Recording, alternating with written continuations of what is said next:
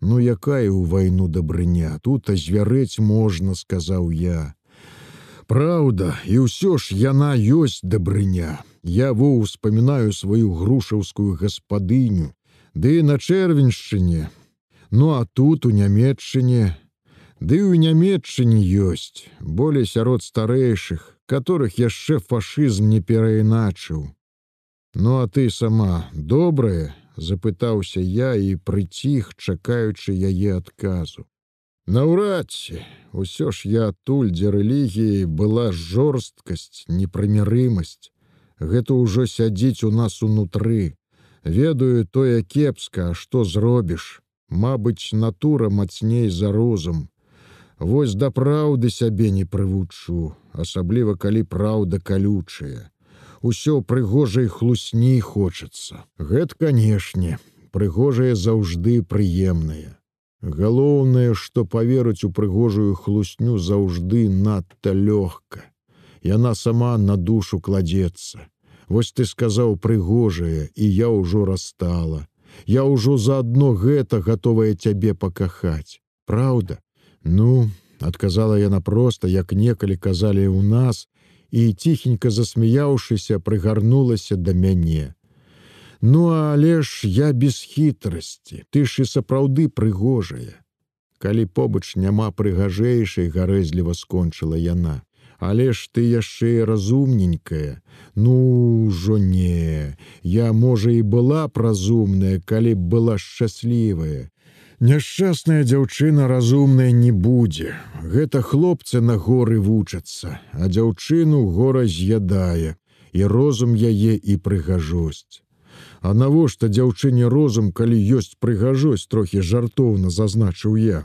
Ну ведаеш, розум гэта ўсё ж адносная якасць. Я недзе чытала, што каб паразумнець, трэба адчуць сябе дурнаватым, А ўвогуле розум не самае галоўнае ў чалавеку. Разумны можа быць і злачынца, разумны для сябе. А што ж галоўнае? Чалавечнасць, во што, тое, што ідзе ад Бога, а не ад ябла. Ці ад малпы, як дарвініста пісалі. Усё ж у нас дужа мала боскага. Ці яшчэ не набылі, ці бальшавікі адабралі, аддзялілі народ ад Бога. А ў немцаў хіба больш боскага. Ведаеш, больш, усё ж яны болей з Богом жылі, зноў жа яны Бога шукалі, пратэстанты, напрыклад. Ён быў ім патрэбны, казаў доктор Шарф, а мы свайго так і не знайшлі. Хай сабе яны з Богом, а мы ўсё роўна іх перамаглі. Перамагчы можа і магчыма, не адразу, падумаўшы, сказала Франя: « Але ці магчыма без Бога жыць. Ніводзін народ нават самы адсталы не жыве без Бога. Мабыць, гэта немагчыма. Без Бога ён проста сам сябе з'есць, асабліва прымітыўны народ. Но мы ж во не прымітыўныя, а жывем без Бога і нічога не з'елі яшчэ адзін аднаго. Франя трохі прымоўкла, збіраючыся з думкамі і сказала надта сцішаным голасам: « Ведаеш, даволі паспяхова ели. Класавая барацьба, хіба не тое ж самаедства. Хаця нас можа ратуе, што нас многа, не надта хутка можна адзін аднаго з'есці. Я ўжо не пярэчыў, унутрана я пачаў з ёй згаджацца. Я адчуў, што яна разумнейшая за мяне, хаця і не надта прыемна было ў тым прызнацца сабе.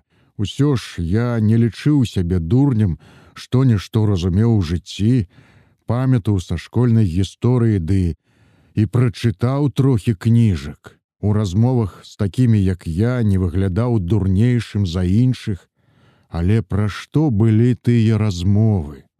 Про нашу проклятую войну, про несправядлівасць начальства, про артылерыю ды нямецкія танки, як іх подбіваць. Про жыццё мы наогул не гаварылі. Можа таму, што яго ў нас яшчэ не было. Не было ў нашым каротенькім мінулым, а на будучае мы не надта спадзяваліся. Нам часто было незразумела, як дажыць да вечара. Дзе ўжо было разважаць пра Бога, а яна вось разважала. Усё ж я не ведаў дзяўчат. Духоўнае сталенне ў іх, мабыць, адбываецца інакш, чым у хлопцаў. Усё ж яны нараджаюцца не для вайны, для жыцця, якое для хлопцаў заўжды праблема. З Богам ці без яго, Тое, што я пачуў, уражвала не адным толькі выказаным ёю. Было там штось малапрыемнае для мяне. Усё гэта яе партызанству атрадзе асобага прызначэння. Але я падумаў, што гэтак па шчырасці расказаць можа толькі даверлівая натура. Я ўжо ведаў, якія бываюць хамы і жлабы сярод нашага брата вайскоўца, меў уяўленне пра тых начальнікаў, якія і ў войску налаўчыліся ваяваць чужымі рукамі за кошт чужых жыццяў. У партызанах тым болей. У партызанах расказвалі некаторыя, хто там быў для начальства наогул рай, рабі што хочаш. Камандаванне далёка аж у Маскве, па радыё вешай яму лапшу на вушы, не прыедзе не праверыць во і рабілі подзвігі з гэткімі во дзяўчаткамі, якіх па адной і дзясяткамі кідалі ў пашчу вайны. Новых заўжды хапала. Яны любілі радзіму і ляцелі на вайну, бы маталькі на агонь. Ведаеш, я ж таксама Богам не надта цікавілася, сказала Франя, выхоўвалася ж ваяўнічаю атэісткай аж покуль вот тут у нямметчыне не пабыла на мессе. Як пачула арган ды спевы, авы Марыю, усё ўва мне перавярнулася, і я зразумела раптам і назаўжды.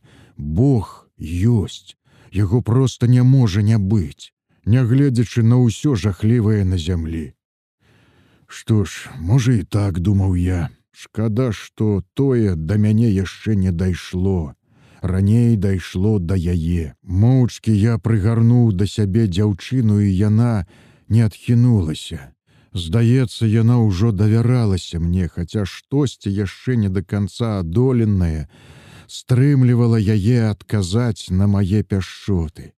Але пяшчоты гуюць усё, Мабыць, пачала яна гаіць і франена гора. Не смела яшчэ з далікатнай стрыманасцю, Яна пацалавала мяне і знерухоміла. Я знерухоміў таксама. Гэта быў мой першы пацалунак. Дагэтуль ніводная з дзяўчат не цалавала мяне. Ды і я таксама. Я быў удзячны лёсу, што ён падарыў нам гэтую пару на зыходзе дня. Падумалася, можа, падорыць і шчаслівую ноч. Я адчуваў сябе дужым, удачлівым, і пачаў даваць волю рукам. Яна падобна было, хмялела ў маіх абдымках, маўчала, толькі цалавала мой твар, а пасля і зусім расслабілася, аддаючыся на маю хлапечую ладу, любая. І раптам страпянулася, спрабуючы вырвацца з маіх абдымкаў, не трэба. Пашкадуй мяне, потым, я ж сірата. Тыя словы раптоўна ацвярэзілі мяне, і я адхіснуўся.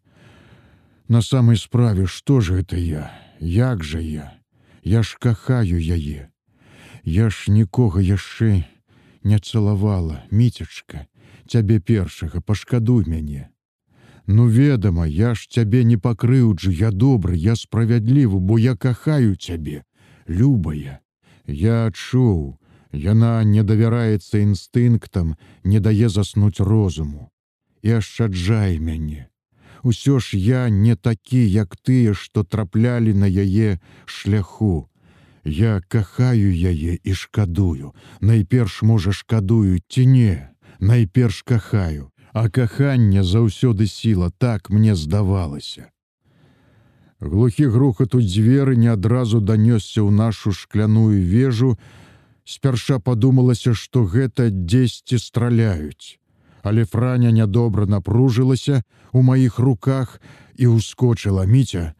Гэта за мной здагадаўся я. Як не скруціўшы сабе галаву па цёмнай і стромкай лесвіцы, я скаціўся ўніз, на вобмацак знайшоў у вестыбюлю дзверы, у якія гулка грукаталі з надворку.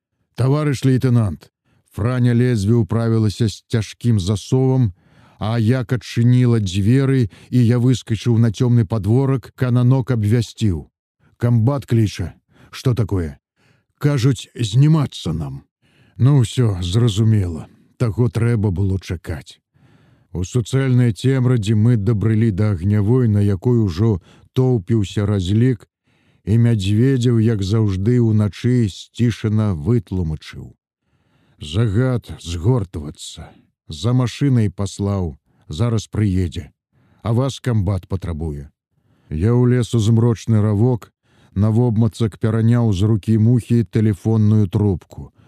Ты дзе там блудзіш? загучаў устрывожаны голас камбата.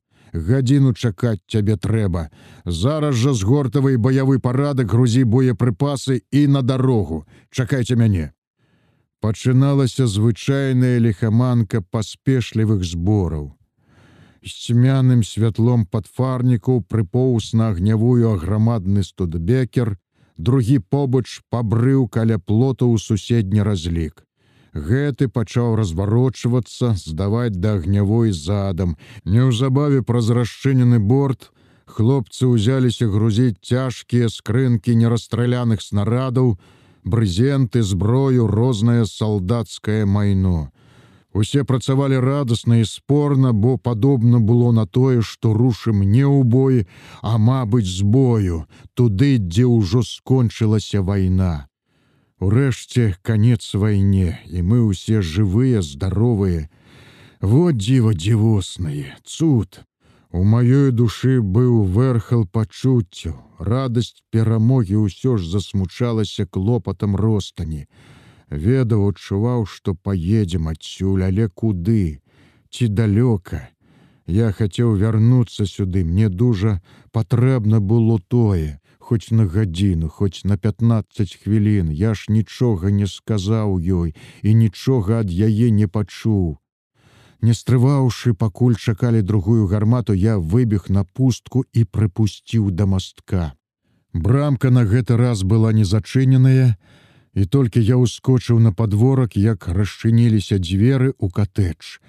На парозе стаяла франя, за ёй нерухома шарэлі два цені яе старых.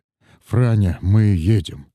Франя маўчала, застыла бы знямелая і не краталася мы едем ты чакай я вярнуся з цемры вестыбюля на мяне пазіралі старыя і я недарэчна засаромеўшыся нават не пацалаваў яе толькі абняў крышку за плечы ў цесных дзвярах і адхіснуўся я не мог бавіцца тут на дарозе чуваць было пачынаўся ўжо рух і ішлі аўтамашыны Некаторыя нават свяцілі фарамі, чаго ніколі не было на фронте. Што ж, мабыць, сапраўды вайна скончылася. Я перабег масток і ускочыў на шырокую подножку студебекера, што з маёй апошняй гарматай вырульваў на шашу.